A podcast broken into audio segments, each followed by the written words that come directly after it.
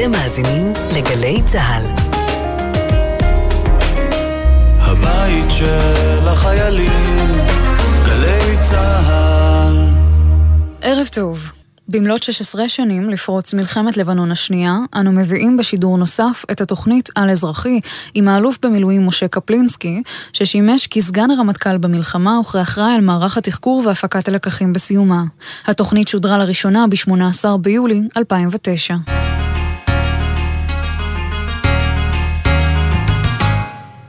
על אזרחי, טלי ליפקין-שחק בשיחה אישית עם מפקדים לשעבר על השירות, הפרישה והחיים שאחרי המדים. עורכת יעל צלמון. שלום לכם, שבת שלום. על אזרחי איתנו אלוף במילואים משה קפלינסקי, שנולד לפני 52 שנים בגדרה, התגייס בחורף 1976 לגולני, ועבר שם את כל שדרת הפיקוד. בין היתר היה מ"מ, מ"פ וקמב"ץ בבית הספר למ"כים, מ"פ גדוד 13, קמב"ץ החטיבה, ומפקד הסיירת במלחמת לבנון הראשונה, אז גם נפצע בקרב על הבופור. הוא החלים, חזר לסיירת, התמנה שלוש שנים אחר כך למג"ד 13, ובשנת 1993 קיבל את הפיקוד על חטיבת גולני. בין לבין שימש קצין אג"ם שלדג, מח"ט החרמון והחטיבה המזרחית, וגם יצא ללימודים בבית הספר לפיקוד ומטה של המרינס, בנוסף לפום הצה"לי. בשנת 1997 הוא עלה לדרגת תת-אלוף ושימש מפקד אוגדה 98, ושנתיים אחר כך היה למפקד עוצבת הגליל, תפקיד שבמסגרתו פיקד למעשה על הנציגה מלבנון. בשנת 2001 הוא עלה משה קפלינסקי לדרגת אלוף, והיה למזכיר צבאי לראש הממשלה אריאל שרון, אלוף פיקוד המרכז וסגן הרמטכ"ל של דן חלוץ, תפקיד שמילא בעת מלחמת לבנון השנייה. במהלכה נשלח על ידי חלוץ לשמש נציגו בפיקוד הצפון, לצד אלוף הפיקוד דאז אודי אדם. אחרי המלחמה היה משה קפלינסקי אחראי על מערך התחקור והפקת הלקחים מהמלחמה. ומשהתחבר לו כי לא התמנה לרמטכ"ל הבא, פרש האלוף משה קפלינסקי מצה"ל, והיום הוא משמש מנכ"ל חברת Better Place ישראל, המקדם הקמה של תשתיות תפעול ותמיכה בכלי רכב חשמליים בסביבה ירוקה יותר. שלום לך, משה קפלינסקי. שלום, ערב טוב. אנחנו מתחילים בהתחלה, בגיוס. מה אתה זוכר מיום הגיוס? כמו כולם, התרגשות, חששות. אני מזכיר לך שזה לא היה אתמול בבוקר, כך שלא בדיוק ידענו לאן אנחנו הולכים, לא היה לנו את האפשרות, כמו שיש למתגייסים היום, להשפיע על מיקומנו בצבא. נפלנו בבקו"ם, ישבנו שם כמה ימים, ושם החליטו לגבינו לאן אנחנו הולכים. כלומר, לא באת במטרה להגיע לגולני.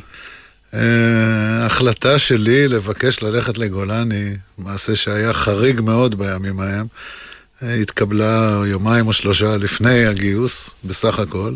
עד אז ממש לא חשבתי על הכיוון. מה הביא אותך לשם, לרעיון הזה? היכרות עם קצין הספורט של בסיס האימונים החטיבתי באותם ימים, שבמקרה פגשתי אותו שבת קודם, והוא סיפר לי איזה יחידה טובה זאת, בניגוד לתדמית הציבורית שאז עוד הייתה לה.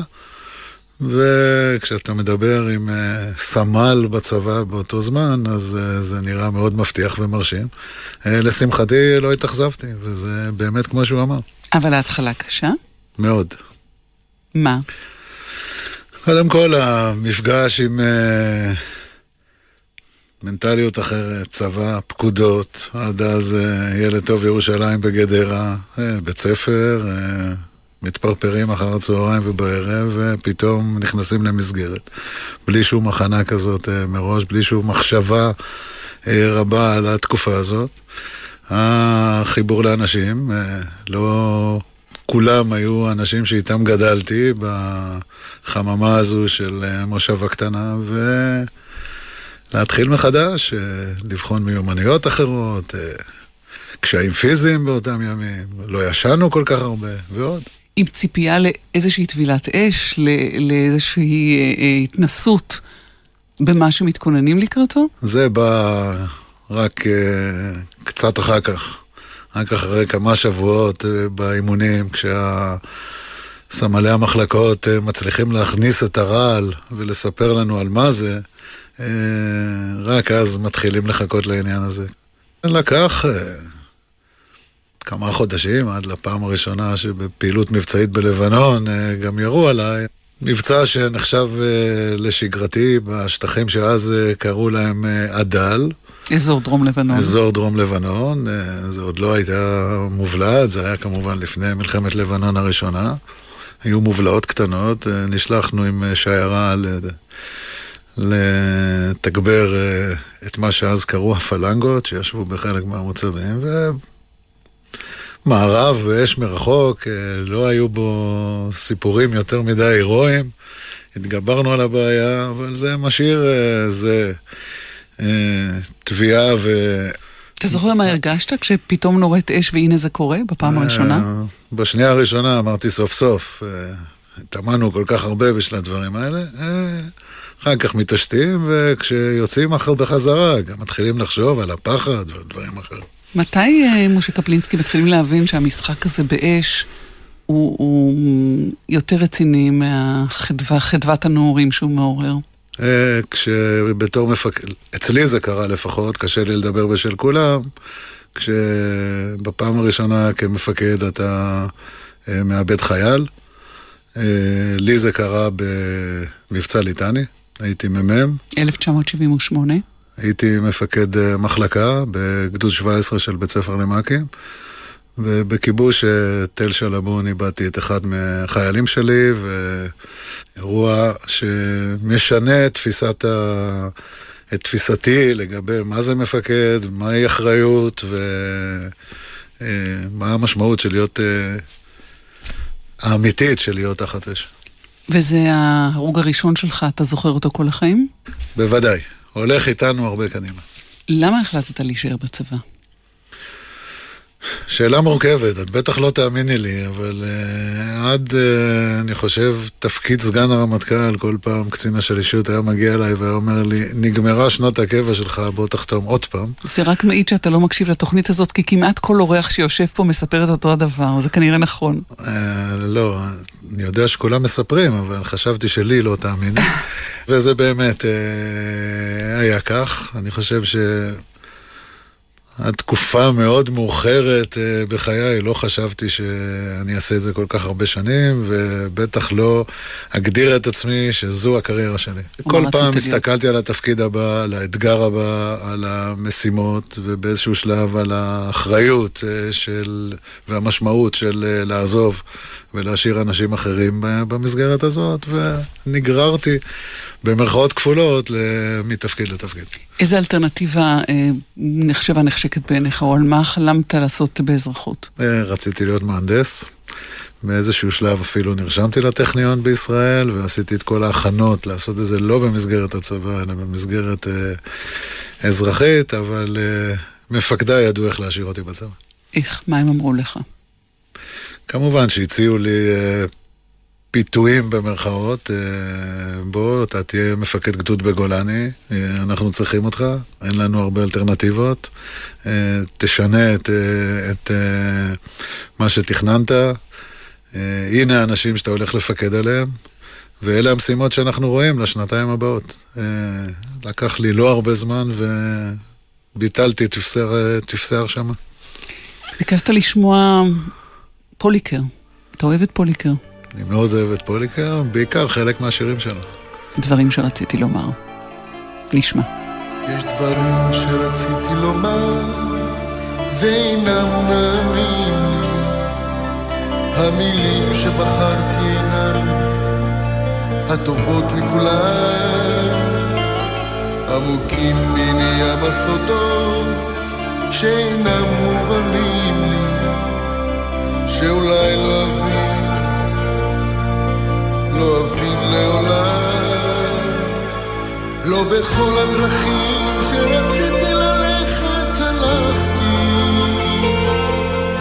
בדרכים שהלכתי טעיתי ודאי לא פעם אחת, ועצבות שמחה, שמחה כמו ביקשתי דבר. דבר שעבד.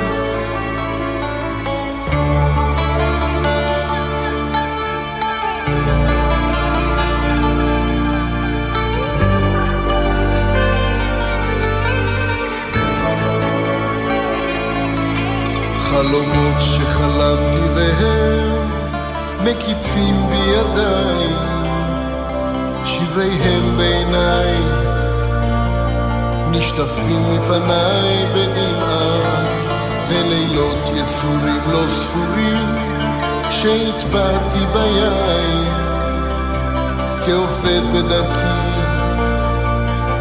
בדרכי הרע, אך בכל הדרכים מעולם לא עבדה לי דרכנו,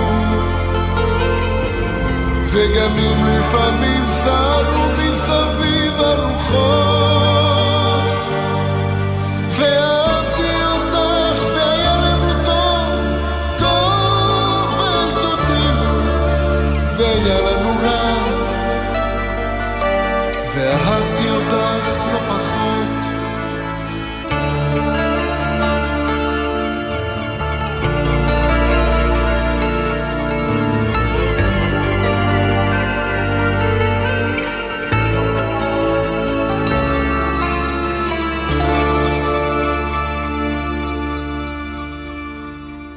על אזרחי איתנו, אלוף במילואים משה קפלינסקי, אנחנו מדברים על אה, גולני. ואני חוזרת איתך לסיירת גולני, ולפסגה כשאתה מתמנה מפקד סיירת גולני. ספר קצת על התקופה הזאת. אה, האמת שלא הספקתי ליהנות הרבה מהפסגה. אני החלפתי את אה, גוני הרניק, זיכרונו לברכה, חמישה ימים לפני שפרצה מלחמת שלום הגליל, או כמו שהם קוראים לה היום, מלחמת לבנון הראשונה. אה, חמישה ימים שעוד לא הספקתי אפילו ליהנות ולטעום את הטעם אה, של הדבר המופלא הזה שקוראים לו סיירת גולני, והוזעקנו כמו יתר הצבא ללבנון. אה, אחרי חמישה ימים בתפקיד אני מוביל את הסיירת כולה ועוד מספר יחידות שסופחו אלינו מחטיבת גולני לקרב המפורסם על הבופור. אני נפצע שם, אני מאבד שם שישה מלוחמיי. אה, כשאחד מהם זה גוני ארניק, אה, שהגיע בחזרה להחליף אותי תוך כדי הקרב, אחרי שנפצעתי, והמשיך להוביל את הסיירת אה, לביצוע המשימה הזו.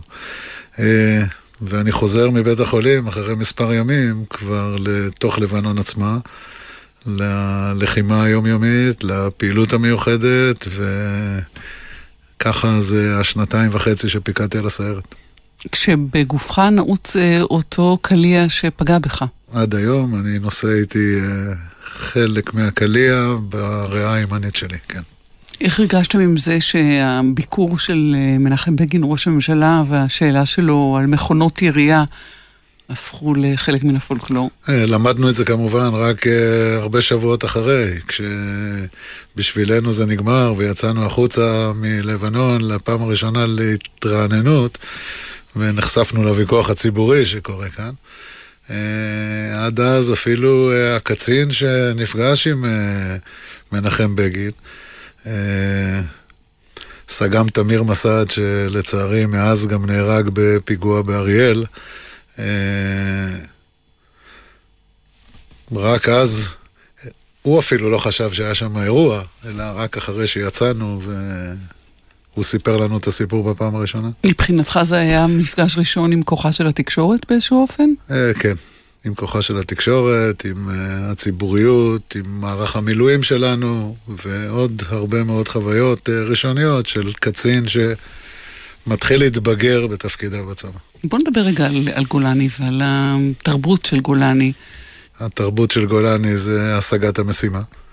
אה, בכל מחיר. אני חושב שהתרבות של גולני זה התנדבות והובלה. אני חושב שהתרבות של גולני זה מקצוענות. אה, נכון, אה, לתקשורת או החוצה מדי פעם פורצים גם קצת חריגים. מרידות, נושא מאוד סקסי לכתוב עליו בתקשורת, אבל כשמנתחים את זה ממה שאני מכיר בשנים האחרונות, אחת לאחת, אנחנו מבינים שבדרך כלל לא כצעקתה. ואני חושב שהמבחן העליון של יחידה זה מבחן עמידה במשימות, וגולני עושה את זה בצורה יוצאת דופן, לטובה. ובכל זאת, משה קפלינסקי, כשאתה מעצב את התורה שלך, את הדרך שלך כמפקד, אתה יודע שצריך ליצור איזשהו איזון בין הרוח, רוח הקרב שמאפיינת את גולני, לבין מידה של משמעת, של סדר, מעבר לחינניות שבה הפראות הגולנית הזאת? זה בלתי נפרד, שני הדברים האלה שאמרת ביחד. אי אפשר להשיג משימות או לעמוד במשימות בלי משמעת. אי אפשר uh, לעשות את מה שמצפים ממך, וזה לא משנה אם זה בשדה הקרב, במבצע מיוחד או בשגרה, בלי דפוסי עבודה מאוד מסודרים וברורים. אבל זה עניין של מינונים, ואיך אתה מייצר איזושהי, איזושהי תבנית שלך. כמודל שלך כמפקד. אה, כמפקד אתה מבהיר את הקווים האדומים ומקפיד עליהם, אה, לעתים בדרך אה, הסברתית טובה, ולעיתים גם בהפעלת ענישה ויד קשה. כל אחד מאיתנו מוצא את המינונים המתאימים לו. אני חושב שההבנה הבסיסית שבגולני היא מודגשת לאורך השנים, ולשמחתי היא עברה גם ליחידות רבות אחרות בצבא, אז... שמאחורי ממלא הפקודות עומדים אנשים, וצריכים להתייחס אליהם כאנשים, אה, וזו הדרך. אני מניחה שבדרגים היותר נמוכים, כשאתה מפקד דווקא יותר זוטר, אתה יותר נפגש עם האנשים ועם הבעיות שלהם, מה שמביאים איתם גם מהבית. אני חושב שזה חלק בלתי נפרד מתפקידו של המפקד. נתחיל מזה שהייתי חייל. אה, בשנה שבה התגייסתי, 76, אה, חלק מהתפקידים שהטיל עליי סמל המחלקה זה לעזור לחלק מהאנשים במחלקה שלי לכתוב אה, מכתבים לחברות. אז uh, התחלתי כבר אז, uh, כחייל. הם היו מנקים לי את המאג, הייתי מגיסט, ואני במקום כתבתי מכתבים. זה נקרא קומבינטור. לא בדיוק, זה היה משימה שהטילו עליי. אוקיי. Okay. וזה לא מעצלות של האחרים. גם אה, בתפקידים יותר בכירים, כמח"ט, אה, מהבדיקה האישית על אה, טיפול בחיילים בודדים, על טיפול בחיילים שהצבא צריך לסייע להם כספית, בהקפדה על חופשות מיוחדות. הרבה מאוד מהנושאים הגיעו אל שולחני ברמה השמית, לא ברמה הסטטיסטית, וזה נכון לכל האורך. עד איזה תפקיד, עוד איזה דרגה אתה מכיר אישית את החיילים שלך? אני חושב שעד רמת המג"ד, אצלי זה היה לפחות, עד רמת המג"ד, ואני חושב שבגלל זה באמת תפקידים כמו מג"ד ומפקד סיירת זה התפקידים ה... היפים ביותר. מצד אחד אתה מחובר מאוד לרמת החייל הבודד, ברמה האישית, השמית, ומצד שני אתה כבר נדרש לחשוב כמו מפקד בכיר. אתה יכול להגיד שהרגשת שאתה מעצב את, את אישיותם של האנשים האלה, לא החיילים האלה. אני מאוד מקווה שזה, שהצלחתי לעשות את זה, ניסיתי. הפיקוד על חטיבת גולני הוא פסגת השאיפות של מי שעושה את כל הדרך שם? בשבילי זו הייתה פסגת השאיפות, ובוודאי. ביקשת לשמוע את אה, שתגדל של פוליקר? לא יכולת לבחור בין שני השירים, אז ביקשת את שניהם, או מה? אה, הראשון אה, מוקדש לזו שהולכת איתי כל הדרך. זה השיר המשותף שלנו, אה, לפנינה. והשני, שיר שהשמענו ב... בשלושים לנפילתו של סגן אלוף אמיר מיטל, ומאז הוא, כשאני שומע את השיר הזה, הוא מזכיר לי את כל החברים שאיבדתי בדרך. נשמע. חכה שתגדל, אמרו לך לא פעם, איש אחד גבוה ואישה נמוכה, אם לא תאכל, לא תגדל אף פעם. ילד טוב משאיר צלחת ריקה, תגדל,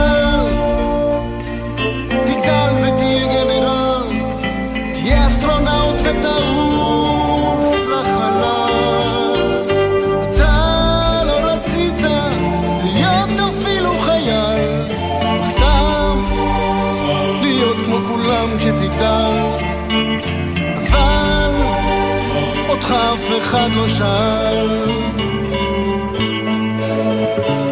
כשתגדל ותראה איזה ילד, אז תגיד לגוזל, לא צריך שתגדל. כשתגדל ויהיה לך ילד, שיבוא וישאל מה יהיה כשאגדל. אז תגיד לו עזוב, אל תשאל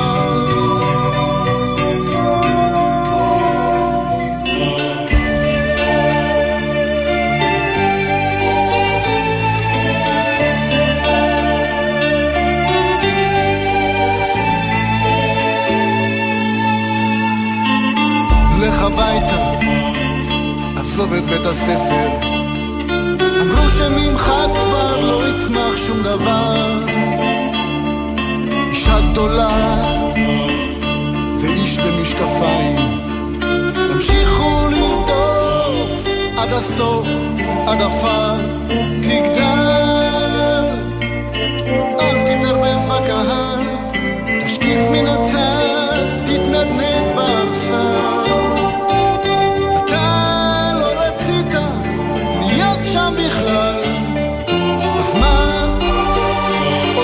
אף אחד לא שאל. אתה נשארת גוזל שנפל. כשתגדל ותראה איזה ילד, אז תגיד לגוזל, לא צריך שתגדל.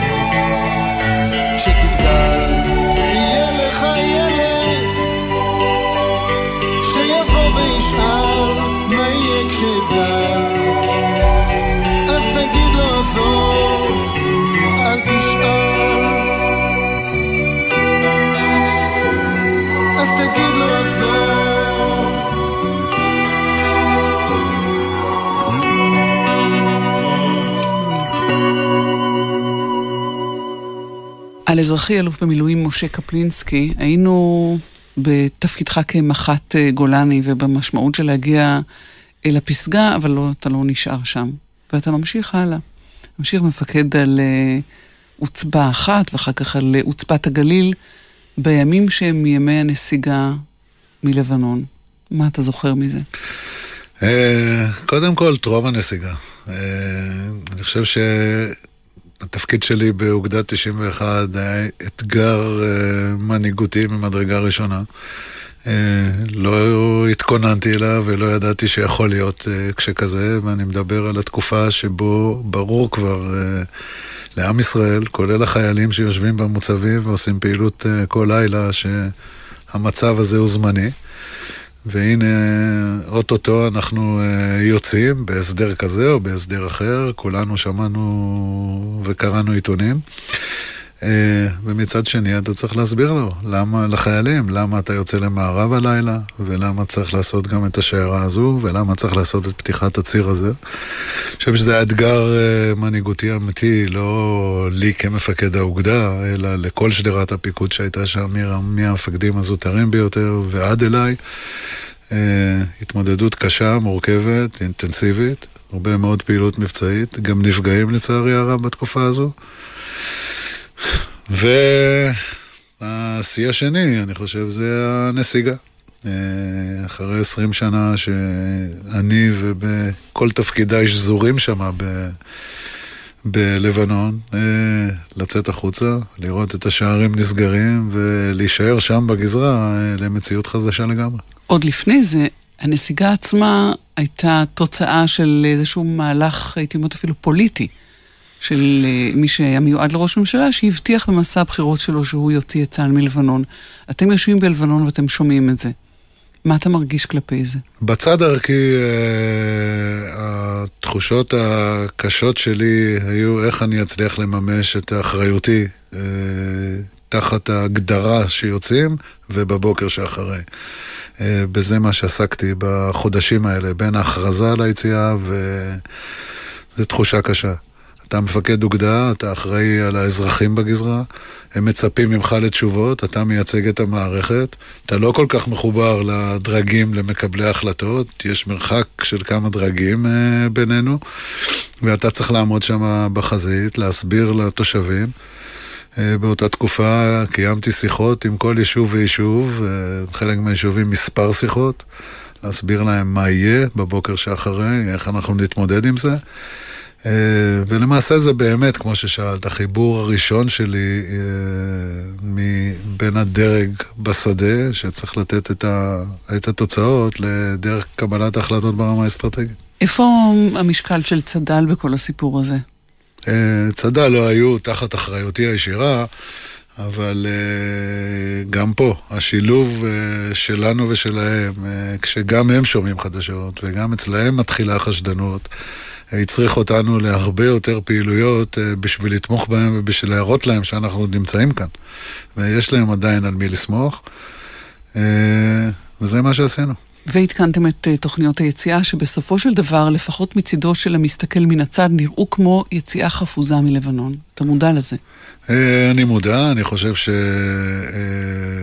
אה, כצעקתה גם במקרה הזה. אני חושב שברוב המקרים יצאנו על פי התוכנית, מסודר. אני מזכיר לך שהיציאה, למרות שהיא הייתה בחלק מהמקומות תחת אש, יצאה ללא נפגעים לצה"ל לחלוטין. התנהלה כשורה, ועשינו את זה במהלך קצר מאוד של 48 שעות מרגע קבלת ההחלטה. אה, שאלה למעשה ההישגים אה, הבולטים. נכון, היו מספר שגיאות שם, גם שם, כמו בכל פעילות אה, מסיבית כזו. ואני חושב שהפער הגדול שהוא יצר את התמונה זה שלא היינו מוכנים לקליטת אנשי צד"ל ולאופן שבו הם יגיבו, אבל זה לא יכול להעיב על ה...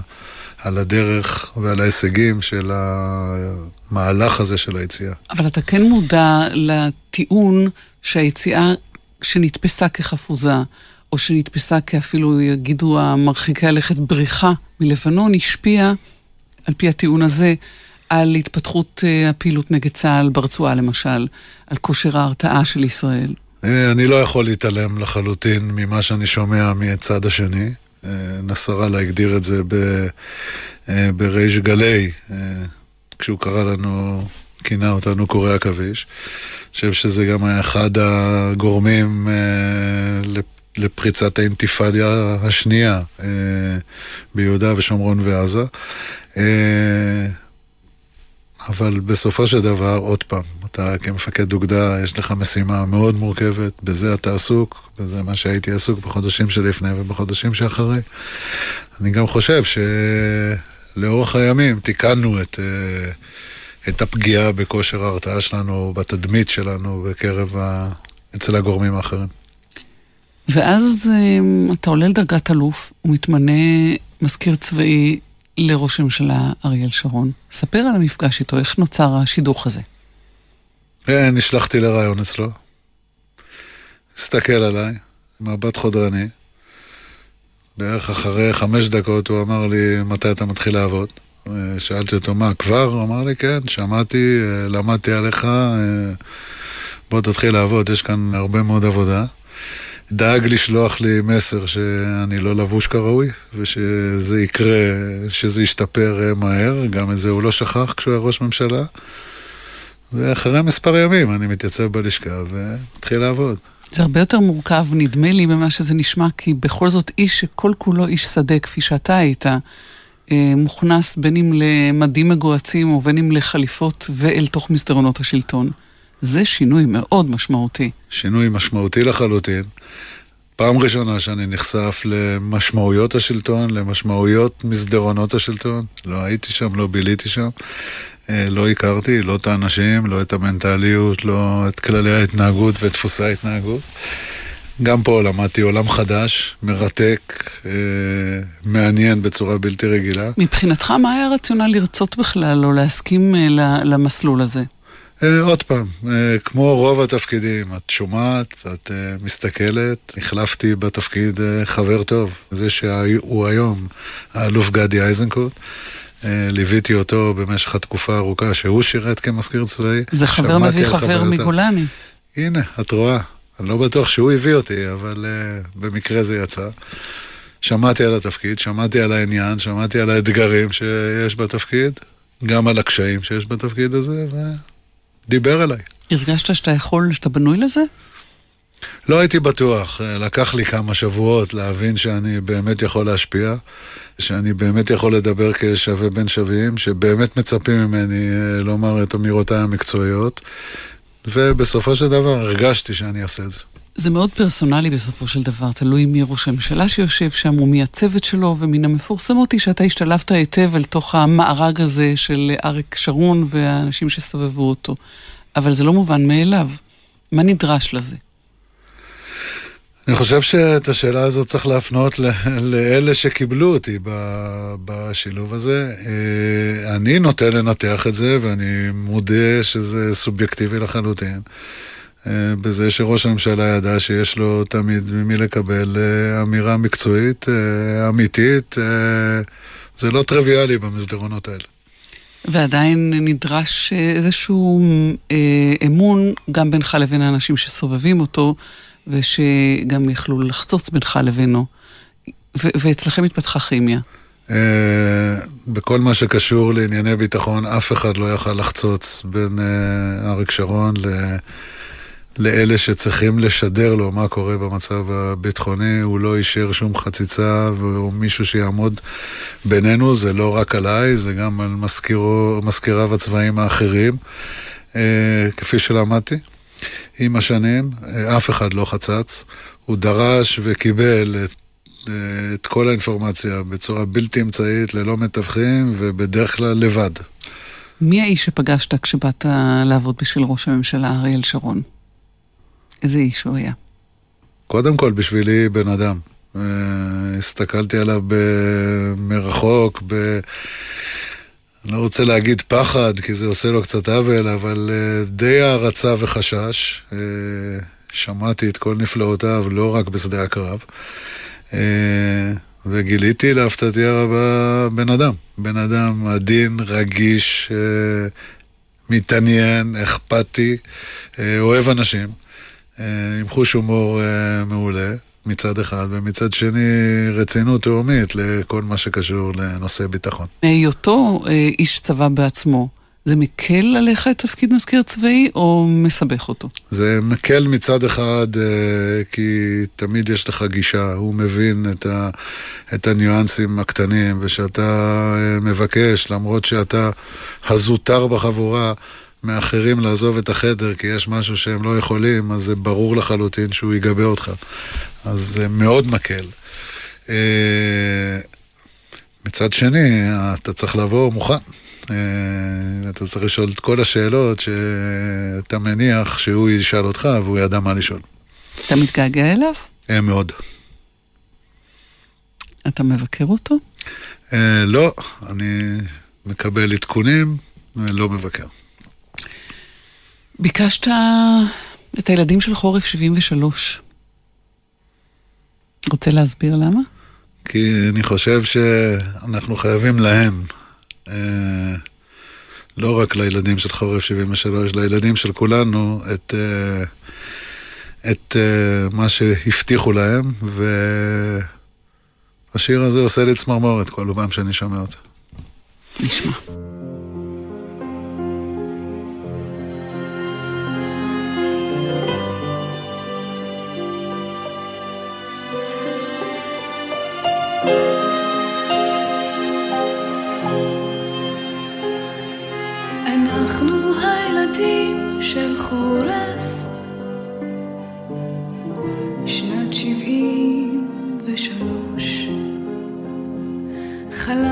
אותנו לראשונה עם שחר, בתום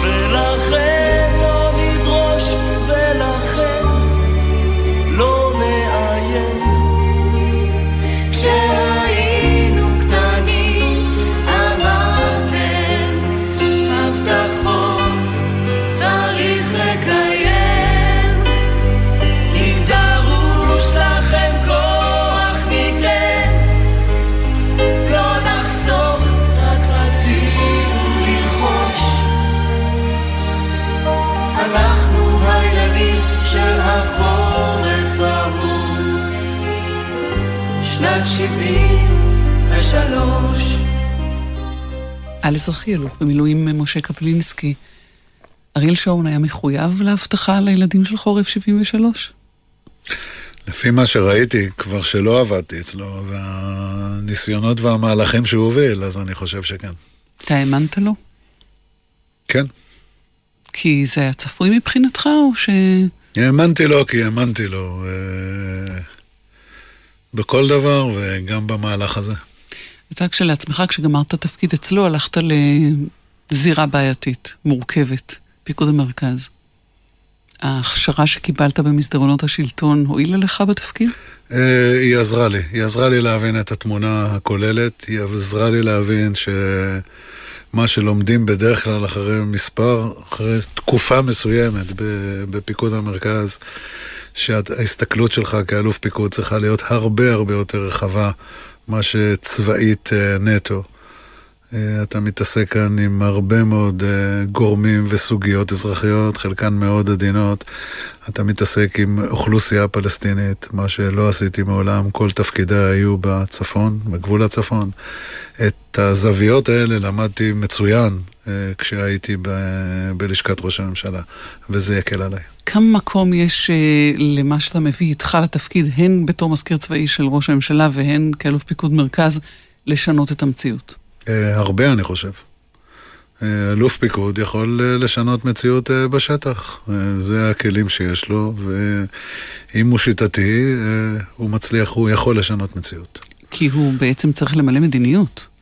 בסופו של דבר יש דרכים איך לעשות את המדיניות, ופה נכנס תפקיד אלוף הפיקוד והמפקדים שתחתיו.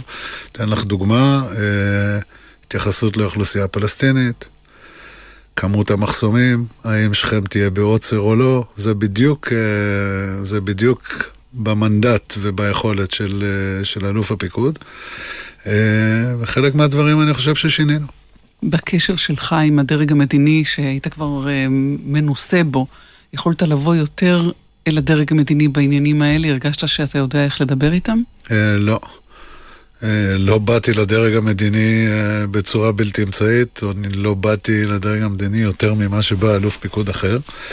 המפגשים האלה קיימים בצורה שוטפת עם כולם, אבל אני חושב שהבנתי את, ה, את הצרכים בצורה הרבה יותר רחבה, מה שאם הייתי מגיע מתפקיד אחר. אהבת להיות אלוף פיקוד מרכז? אהבה זה לא uh, המילה הנכונה במקום הזה, אני חושב ששירתי בפיקוד מרכז ב... תקופה מאוד מאוד uh, מאתגרת, ואני חושב שבמחשבה לאחור, לאור ההצלחות הרבות שנכונו שם במיגור הטרור המתאבדים הפלסטיני, ככה אני קורא לזה, ואני חושב שזה לא הפרזה, uh, סיפוק אדיר. דבר על גדר ההפרדה והתפקיד שלה במלחמה הזאת. אין ספק שגדר ההפרדה עזרה לנו. להתמודד עם התופעה הזאת, היא הייתה אחד מהמרכיבים המשמעותיים. בתקופתי הצלחנו להשלים רק את החלק הצפוני של גדר ההפרדה, ומהרגע שהיא נהייתה אופרטיבית לא היה משם פיגוע אחד. אה, בתקופה שלי. אה, אחר כך היא הושלמה, והנתונים גם השתנו, אבל אין לי ספק שיש לה מרכיב ביצירת. תחושת ביטחון וביטחון בעורף הישראלי. ומשם אתה מתמנה לסגן רמטכ"ל. דני חלוץ קורא לך להיות סגנו. יגידו מי שיגידו, טוב, פורום החווה של אריק שרון קימבן את החיבור הזה. מה אתה אומר? אני לא אומר את זה, ומי שרוצה להגיד, אה, שיגיד. אה, דן חלוץ התמנה לרמטכ"ל. אה, מערכת היחסים בינינו הייתה טובה שנים רבות אחורה. הרבה מאוד שיחות גם אישיות, גם אה, על סוגיות, לא רק צבאיות, גם חברים שותפים בפורום מטכ"ל אה, מספר שנים יחד, ונראה לי מאוד טבעי שהוא יבקש, והוא אכן ביקש, וזה בסדר גמור. הקומבינה אולי הייתה בזה שממנים לרמטכ"ל כחול, אז לוקחים וממנים לצידו סגן הכי ירוק שיש. ירוק לא במובן של חסר ניסיון, אלא במובן מובן הקרקע, כדי שישלים את ה... ישלים לו את היכולות.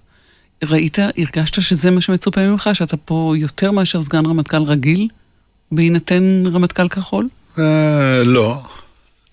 הרגשתי שאני סגן רמטכ"ל, לא ידעתי להשוות לסגני רמטכ"לים אחרים. אבל ידעת את גודל המשימה כשרמטכ"ל הוא כחול? אני חושב שלכל סגן רמטכ"ל יש משימות מאוד קשות ומורכבות, בלי קשר למי הרמטכ"ל, וזה...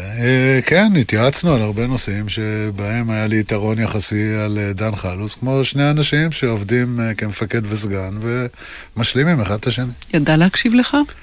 אה, ברוב הזמן, כן. כי אנחנו מגיעים למלחמת לבנון השנייה, ושם כנראה הוא לא די הקשיב לך. אה, זה קצת יותר אה, עמוק וארוך, מה שנעשה את זה בשיחה כזו קצרה. ובכל זאת? אה, אני חושב שבחלק מהמקרים הוא שמע לי, בחלק מהמקרים הוא לא שמע לי, ו... הוא רמטכ"ל, הוא צריך להחליט, הוא צריך להקשיב לכל הגורמים האחרים.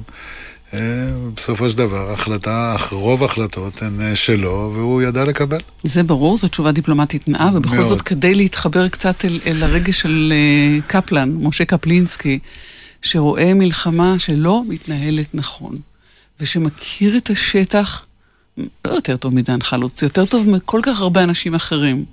שם בצפון, בבית שלך כל כך הרבה שנים. מה עובר עליך? תפקיד של סגן רמטכ"ל. כמעט יכול לעשות הבדל ולא מצליח. אני חושב שהסיטואציה הזו, זו הסיטואציה הגרועה מכולן, אה, להיות סגן בסיטואציה כזאת. אה, אני לא מאחל אותה לחברים שלי. אה, והדילמה שליוותה אותי כל ימי המלחמה הזו, זה עד כמה אתה עומד על דעתך, מתי אתה שובר את הכלים, מה המשמעות של לשבור כלים בהיותך סגן רמטכ"ל. אה, וכדומה, אבל זו סוגיה קשה, בעייתית, אה, ואני לוקח אותה איתי. קצת לספר אולי בכל זאת על ההתלבטות, על, הלילות של לא שינה, על השיחות עם חברים, על, על מקום שבו אתה פורק את זה, על, על איזושהי, איזשהו ניסיון ל, לעשות שינוי? אני פורק את זה בשני מקומות, אצל פנינה, כמו שאמרתי, שהיא תמיד שם, ובשיחות עם חלוץ. וחלוץ מה? לא מבין מה אתה אומר לו? בחלק מהמקומות כן, והשפעתי ועשיתי, ולא כל ההמלצות שלי גם בדיעבד היו נכונות, והכל בסדר, אבל בחלק מהמקרים גם לא, וזה בסדר.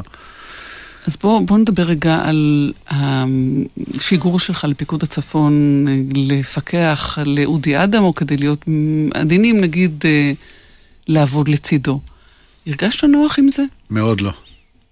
מה אמרת לחלוץ כשהוא ביקש אותך לעלות לצפון? שאלתי אותו אם הוא משוכנע שזה הדבר הנכון, הוא אמר לי כן, אני מאוד מבקש שתעשה את זה. אה, ניסיתי בדרכים אחרות, ואתה היחיד שאודי מוכן שיהיה שם. הבנתי שזה אמור לעזור גם לאודי וגם לרמטכ"ל, ובסיטואציה כזו אני לא חשבתי שנכון להגיד לו. הנחת או הבנת שזה הולך להיות... אה... אחד מסמלי המלחמה הזאת ומציוני הדרך שלה? אני מודה, ותגידי שאני אה, או לא אמין או נאיבי, לא חשבתי על זה. חשבתי על המשימה, על המורכבות שלה, על איך עושים אותה הכי נכון, בלי לפגוע ב, בתפקודנו כצבא ולמזער את הנזקים שמהלך כזה עלול להביא. ככה ניסיתי, ככה התנהגתי, ואני חושב שגם ביצעתי נכון. וכשאתה נשלח, אתה יודע מה זה יעשה לאודי אדם? אתה אומר לעצמך, הדבר האחרון שהייתי רוצה שיעשו לי, כדוגמתו? הדבר הראשון שעשיתי זה לדבר עם אודי אדם, ואחרי שהבנתי שזה אה, גם על דעתו, לא באהבה, אבל גם על דעתו, אה, התחלתי לעבוד שם. נשארתם חברים אחרי זה? אה, נשארנו ידידים טובים כמו שהיינו. המלחמה הזאת, ואתה רק, אה, בשעה שאנחנו מקליטים, אתה רק אה, אתמול אה, התבטאת בעניינה בכנס של המכון למחקרי ביטחון לאומי, היא מלחמה רצופת שגיאות.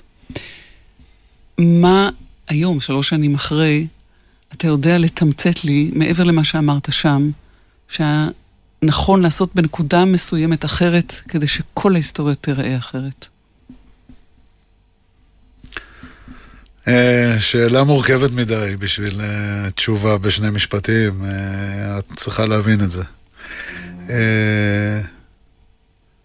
אני חושב שהיינו צריכים להיכנס למלחמה הזו אחרת, זאת אומרת להכין מראש את כל הסל האמצעים שיש לנו, כולל גיוס המילואים, ואני חושב וחשבתי גם בזמן אמיתי, שאחרי התקיפה המאוד מוצלחת של חיל האוויר בלילה הראשון, אנחנו צריכים... לעצור, להחזיק את חיל האוויר כשוט באוויר לא מופעל ולהניע תהליך מדיני. זה די סיוט למישהו שעשה שורה של תפקידים יפים וקריירה בלי שהתכוון לה די מפוארת בצבא, שבסוף הוא צריך אה, ללכת הביתה, לא להתמנות לרמטכ"ל. למה הלכת הביתה? אה, הלכתי הביתה כי הרגשתי שמיציתי את מה שיש לי לתת, לא רציתי לחכות ארבע שנים נוספות בשביל להתמודד אולי על אה, עוד תפקיד. אה, אני לא מצטער על ההליכה הזו. מי האיש שהשפיע עליך יותר מכולם אה, במהלך אה, שנות שירותך? דווקא פקוד שלי. קוראים לו ארז גרשטיין. לצערי גם הוא זיכרונו לברכה. אני מכיר אותו כשהוא היה סג"ם צעיר. נפצענו יחד בבופור, ומאז הלכנו דרך ארוכה ביחד. בדרך כלל מסתכלים uh, למעלה בשביל uh, לקבל עצות, בשביל לקבל תמיכה, בשביל uh, רגע לשמוע איזה זווית אחרת על מה שאתה חושב ועל מה שאתה עושה. לי ארז היה הכתובת הזו. הרבה מאוד שנים. וגם אחרי שהוא נהרג בלבנון, מצאתי את עצמי אל מול דילמות, שואל את עצמי לא פעם, מה הוא היה אומר? מה הוא היה עושה? מנסה לעשות כמוהו. לא תמיד הצלחתי. וכשפרשת והלכת לאזרחות, הייתה לך התלבטות לאן אתה הולך? כי מהנדס כבר לא יכולת להיות, זה מאוחר מדי. הדבר היחיד שרציתי אה, זה להיות אה, איזו תקופה בארצות הברית, לא לעשות שום דבר. אה, חתרתי לזה. קצת בשביל לספוג אווירה, קצת בשביל לנוח, קצת בשביל להתרחק מהמקום הזה. אה, לשמחתי גם היה מי שהסכים אה, לתמוך ברעיון הזה, והייתי אמור ללכת להיות עמית מחקר במכון בוושינגטון.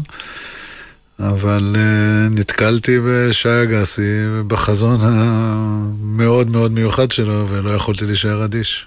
שוב לא יכולת להישאר אדיש לצו התנועה. כן, הנה, מצליחים להשפיע עליי. מה החזון של שי אגסי שאתה מקדם עכשיו? להפסיק את, ה... את ההתמכרות שלנו לנפט, מאוד פשוט. איך אתם תעשו את זה? אנחנו נתחיל להשפיע בקטן. אנחנו ניצור את, ה, את האפשרות ל, לכולנו, לנהגים פה בישראל, ואני מקווה שאחר כך גם בעולם כולו, אה, לא לצרוך דלק כשאנחנו נוהגים, לא, לצרוך, לא לצרוך בנזין, על כל המשמעויות שיש לדבר הזה. ואנחנו נאפשר אה, להשתמש במכונית חשמלית, ניצור את התשתיות לדבר הזה. אה, ונבטיח את החופש שלנו לנהוג בדרך אחרת. כמה אנחנו רחוקים מהחזון הזה? הערכתי שנתיים. אני מאמין שאת ה... התחלת השינוי נצליח לראות פה בארץ במהלך שנת 2011.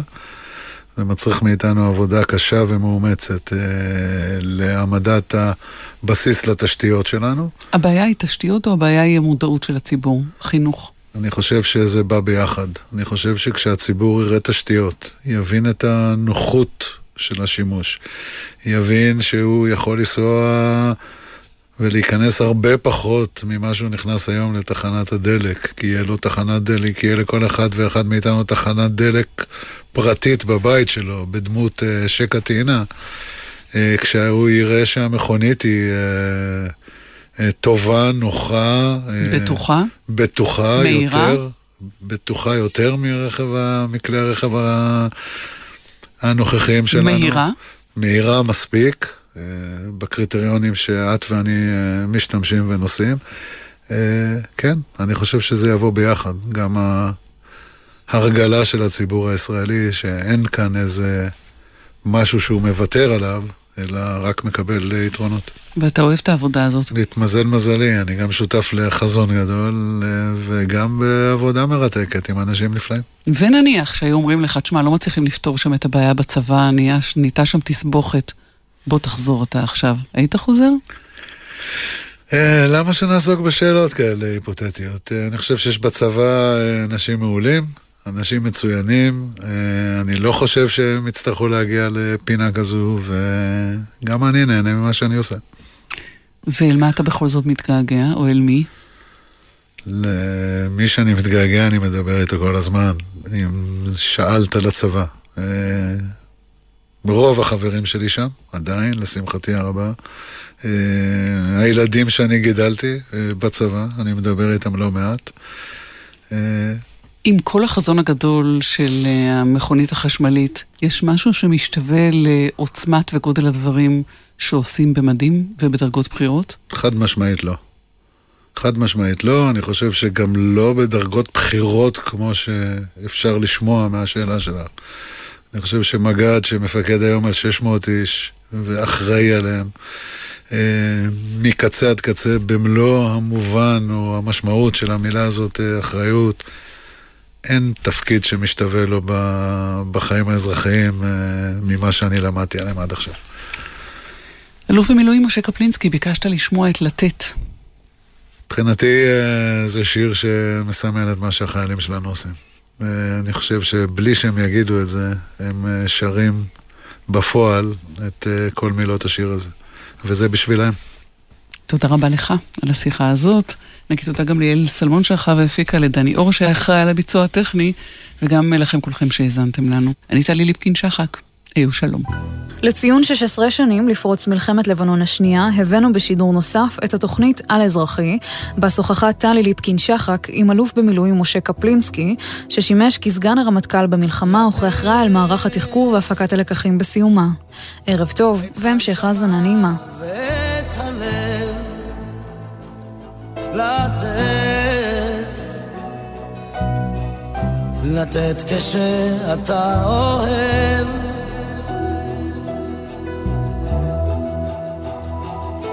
ואיך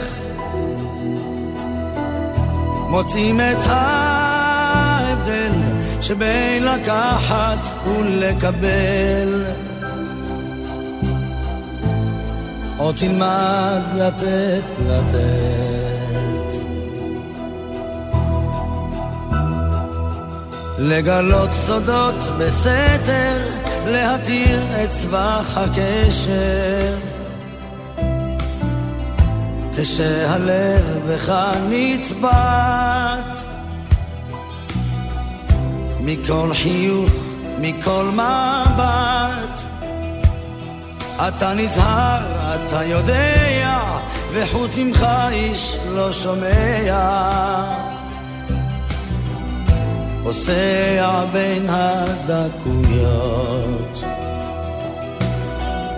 וממלא שעות פנויות לתת את הנשמה ואת הלב לתת כשאתה אוהב. עוד תלמד לתת לתת. אתה לומד עם השנים לבנות ביחד בניינים. לחיות עם כל השינויים לרקום איתה סיפור חיים ולעבור ימים קשים במצוקות בריגושים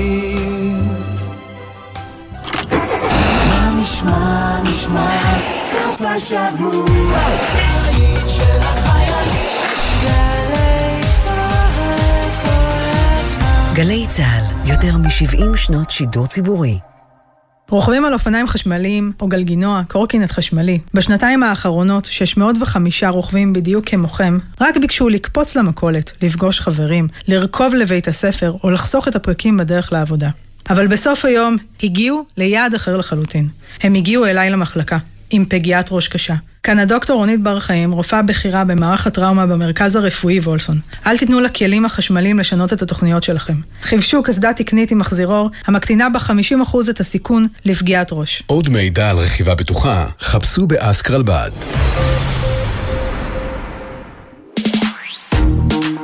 אתם מאזינים לגלי צה"ל.